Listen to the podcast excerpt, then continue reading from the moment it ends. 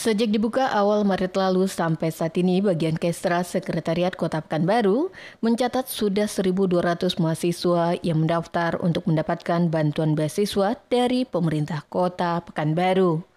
Disampaikan Kabak Kestra Sedap Pekanbaru Trisepna Putra, dari 1.200 tersebut sebagian besar di antaranya adalah mahasiswa yang kini sedang menempuh pendidikan S1 dan sisanya mahasiswa D3.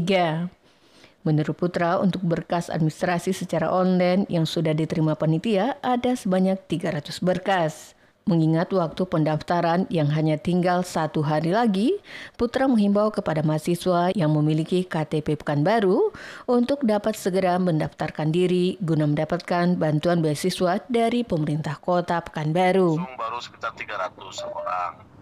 D3 itu agak sepi peminat, yang ramai S1 pendaftaran sampai tanggal 22 secara online. Tapi ya. kalau pengembalian apa memberikan berkasnya bisa sampai tanggal 2, 29 kalau tidak salah 29 Maret. Pada mahasiswa yang ingin mengajukan beasiswa harap segera mengajukannya sebelum tanggal 22 karena paling tanggal 22 paling lambat secara online dan memberikan berkas paling lambat tanggal 29 Maret 2023 ini. Di lain sisi menjawab wartawan mengenai kemungkinan akan adanya perpanjangan waktu pendaftaran, menurut Putra sangat kecil sekali, kecuali untuk pendaftaran mahasiswa D3 yang sampai saat ini masih sepi peminat.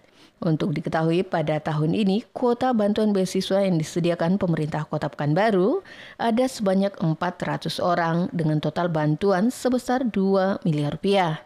Desi Suryani, Tim Liputan Barabas, melaporkan.